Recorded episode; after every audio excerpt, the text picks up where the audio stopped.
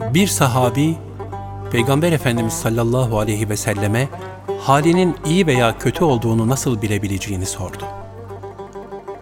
Allah Resulü sallallahu aleyhi ve sellem de ona, ahiret işlerinden birini arzu ettiğinde, onu yapmak sana kolay geliyor ve dünya işlerinden birini arzu ettiğinde, onu yapmak sana zor geliyorsa, bilmiş ol ki muhakkak sen iyi bir hal üzeresin. Şayet ahiret işlerinden birini istediğin zaman onu yapmak sana zor geliyor ve dünya işlerinden birini istediğin zaman onu yapmak sana kolay geliyorsa, kötü bir haldesin buyurdular.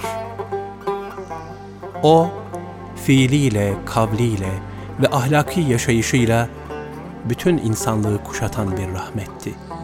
Yol göstericiydi. Hidayet yolunda her türlü meşakkat ve çilenin en büyüğü onun sırtındaydı. Yine Cenab-ı Hak Kur'an-ı Kerim'de hiçbir peygamber üzerine yemin etmezken Resulullah sallallahu aleyhi ve sellemin hayatı üzerine le amruke ömrüne yemin olsun ki buyurarak kasem eyler.